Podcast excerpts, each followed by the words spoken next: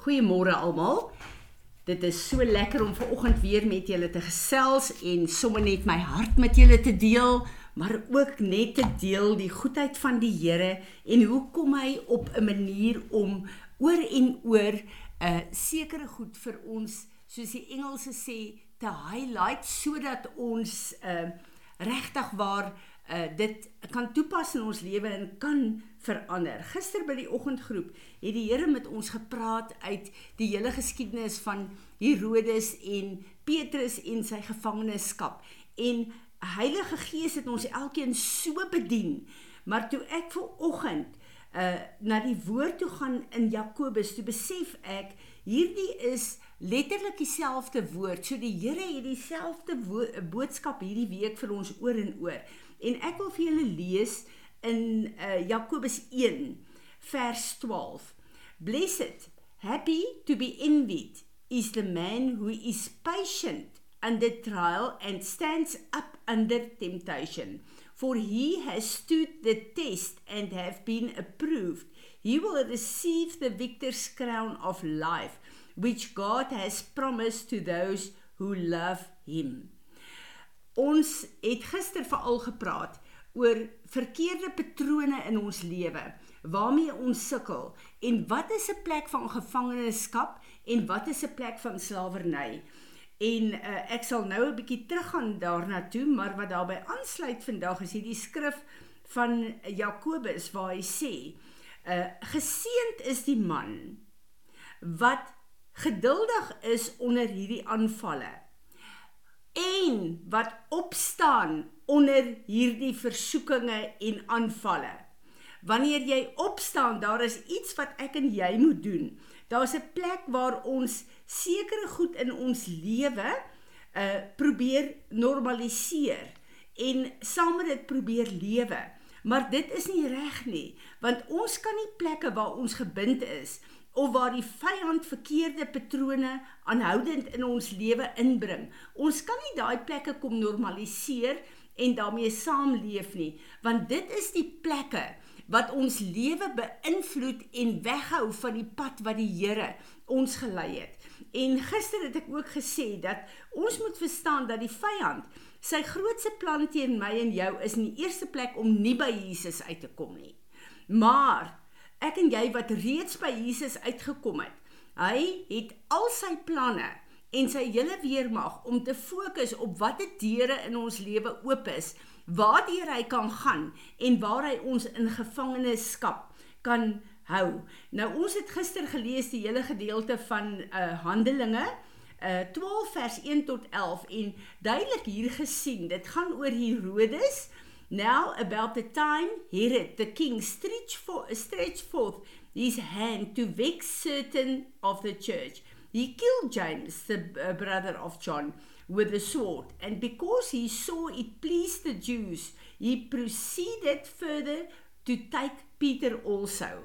En ons het die hele gedeelte gelees waar hy hom in die tronk gegooi het en waar hy vier afdelingswagte, soldate by Petrus ingesit het om hom op te pas.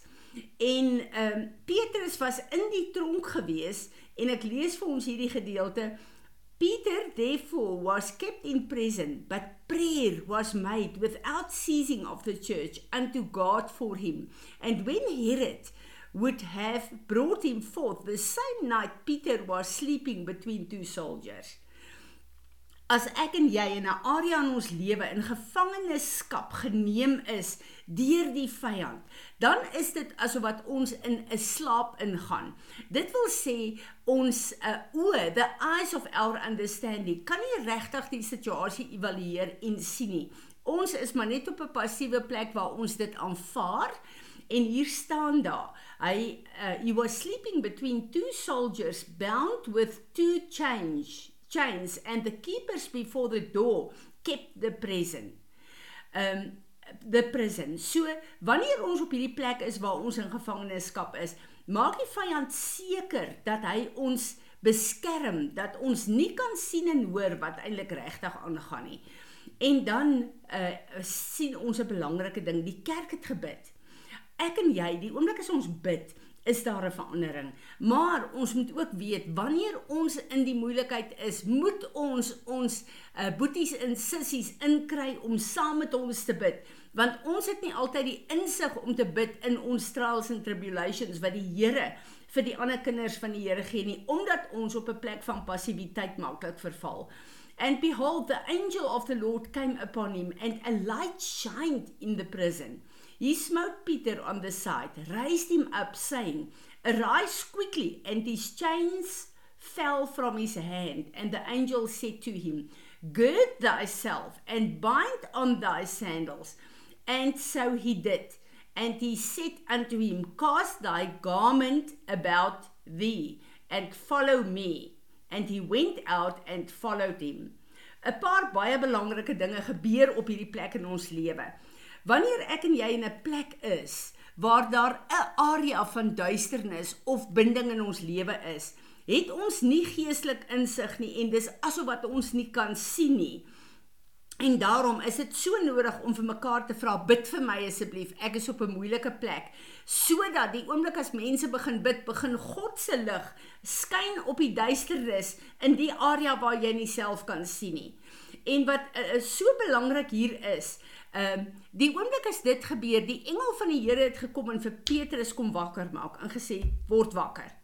Petrus het wakker geword. Hierdie klink vir my soos die skrif in Efesiërs 5 waar 'n uh, 'n uh, uh, Paulus vir die kerk in Efesië sê, ehm uh, word wakker, word wakker, staan op dat die lig van Christus oor jou begin skyn. So daai geestelike slaap en passiwiteit moet stop.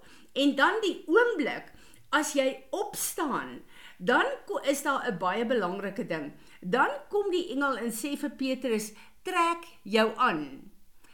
Trek weer jou skoene aan. Dit wil sê Petrus, jy stap weg van hierdie tronk af. Jy gaan nou weer die pad stap wat Jesus vir jou oorwin het op Golgotha. Jy gaan nou weer op die regte pad stap. Jy gaan nie net gestrand wees op een plek, vasgehou word op een plek, uh uh uh, uh geïntimideer word op een plek nie. Nou gaan jy weer stap teen die pas wat Jesus vir jou op Golgotha verkry het en daai skoene van die bereidheid van die evangelie wat hy aantrek, die swaard wat hy terugneem, die woord wat hy terugneem, sy mantel wat hy terugneem. Hierdie is 'n tipe van jy is 'n soldaat van Jesus Christus en sy weermag op aarde. Laat die soldaat in jou opstaan, trek die wapenrusting van God aan. En ons weet Petrus kon toe die kettinge het van hom afgeval.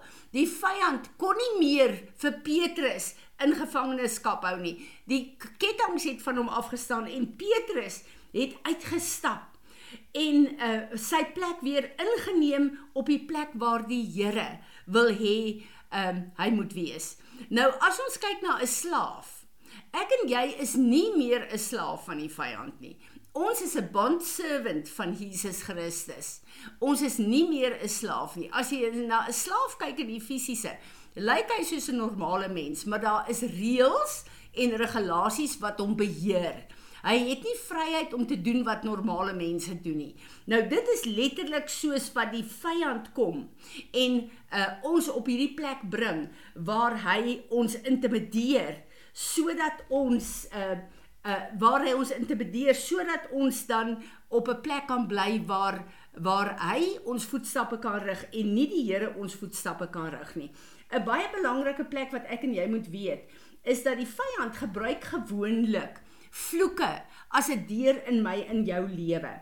En as ons kyk na Romeine 6 vers 13 en 14, moet ons weet, alles wat ek en jy doen, wat ons voorgeslagte gedoen het, is 'n wapen van geregtigheid en ongeregtigheid. En as ek en jy nie deur repentance deur die bloed van Jesus daarmee deel nie, is dit die deur wat die vyand gebruik om die en hy stel deurwagters aan om uh, as demone die deur oop te hou in sekere areas in jou lewe want dit is die grondgebied wat hy gekry het. En ek en jy moet deur repentance uh, nader tot God en ons moet deel met hierdie goed sodat die grondgebied van die vyand verlore kan gaan. En hierdie verskillende ver, uh, patrone in ons lewe wat oor en oor neerlaag vir ons gee wat oor en oor ons op 'n plek bring waar die vyand elke keer lyk asof wat hy wen en grondgebied uh, kry Ons moet hierdie goed identifiseer en ons moet voor die Here kom en ons moet kom instaan. Onthou 'n vloek, die oorsprong van 'n vloek kom eintlik van God af, né? Nee? As ons kyk na wat nie uh, die tuin van Eden gebeur het. So wat is 'n vloek? Dit is die plekke waar ek en jy en ons voorgeslagte ongehoorsaam aan God en sy woord is, waar ons in rebellie gegaan het, soos wat uh, Samuel vir ons sê, die boek Samuel vir ons sê, dat die uh, rebellie is die sonde van witchcraft. Die oomblik as ons ongehoorsaam is, En dit is nou nie uh, ek het nou vandag alleen vertel dit is dit is nou erg nie. Dis nie daai plekke waar ons onwillekeurig sondig waar ons dan kan vergifnis vra en dit regmaak en ons lewenstyl verander nie. Hierdie is die plekke waar jy kies om God se woord te gehoorsaam en dan 'n lewenspatroon van sonde vestig. Op daai plek kom ons dan op 'n plek waar God daai sonde in ons lewe oordeel. So 'n vloek is judgment van God wat hy bring in daai area in in ons lewe.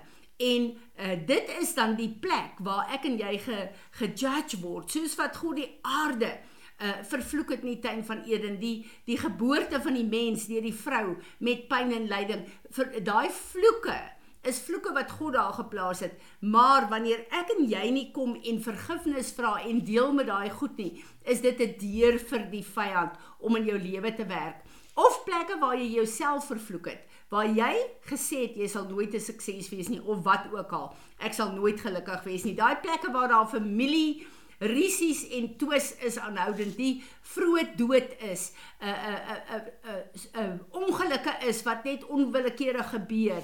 Um uh plekke waar jy elke keer begin met 'n ding en waar dit nie suksesvol eindig nie, waar jy nie sukses in sukses kan groei nie. Daardie plekke is plekke van vloeke in ons lewe en ons moet dit voor die Here bring en vergifnis vra. Onsself verootmoedig voor die Here en vergifnis vra waar dit nodig is sodat ons hierdie goed kan begin breek in die naam van Jesus en uh die uh, dit is letterlik soos 'n vloek, soos 'n wolk wat jou volg oral wat jy gaan. As ons kyk na God se teenwoordigheid in die Israeliete waar ons duidelik die wolk in die in die uh uh uh vuur gesien het in die nag, so is dit letterlik wat God 'n covering deur sy verbond oor my en jou het.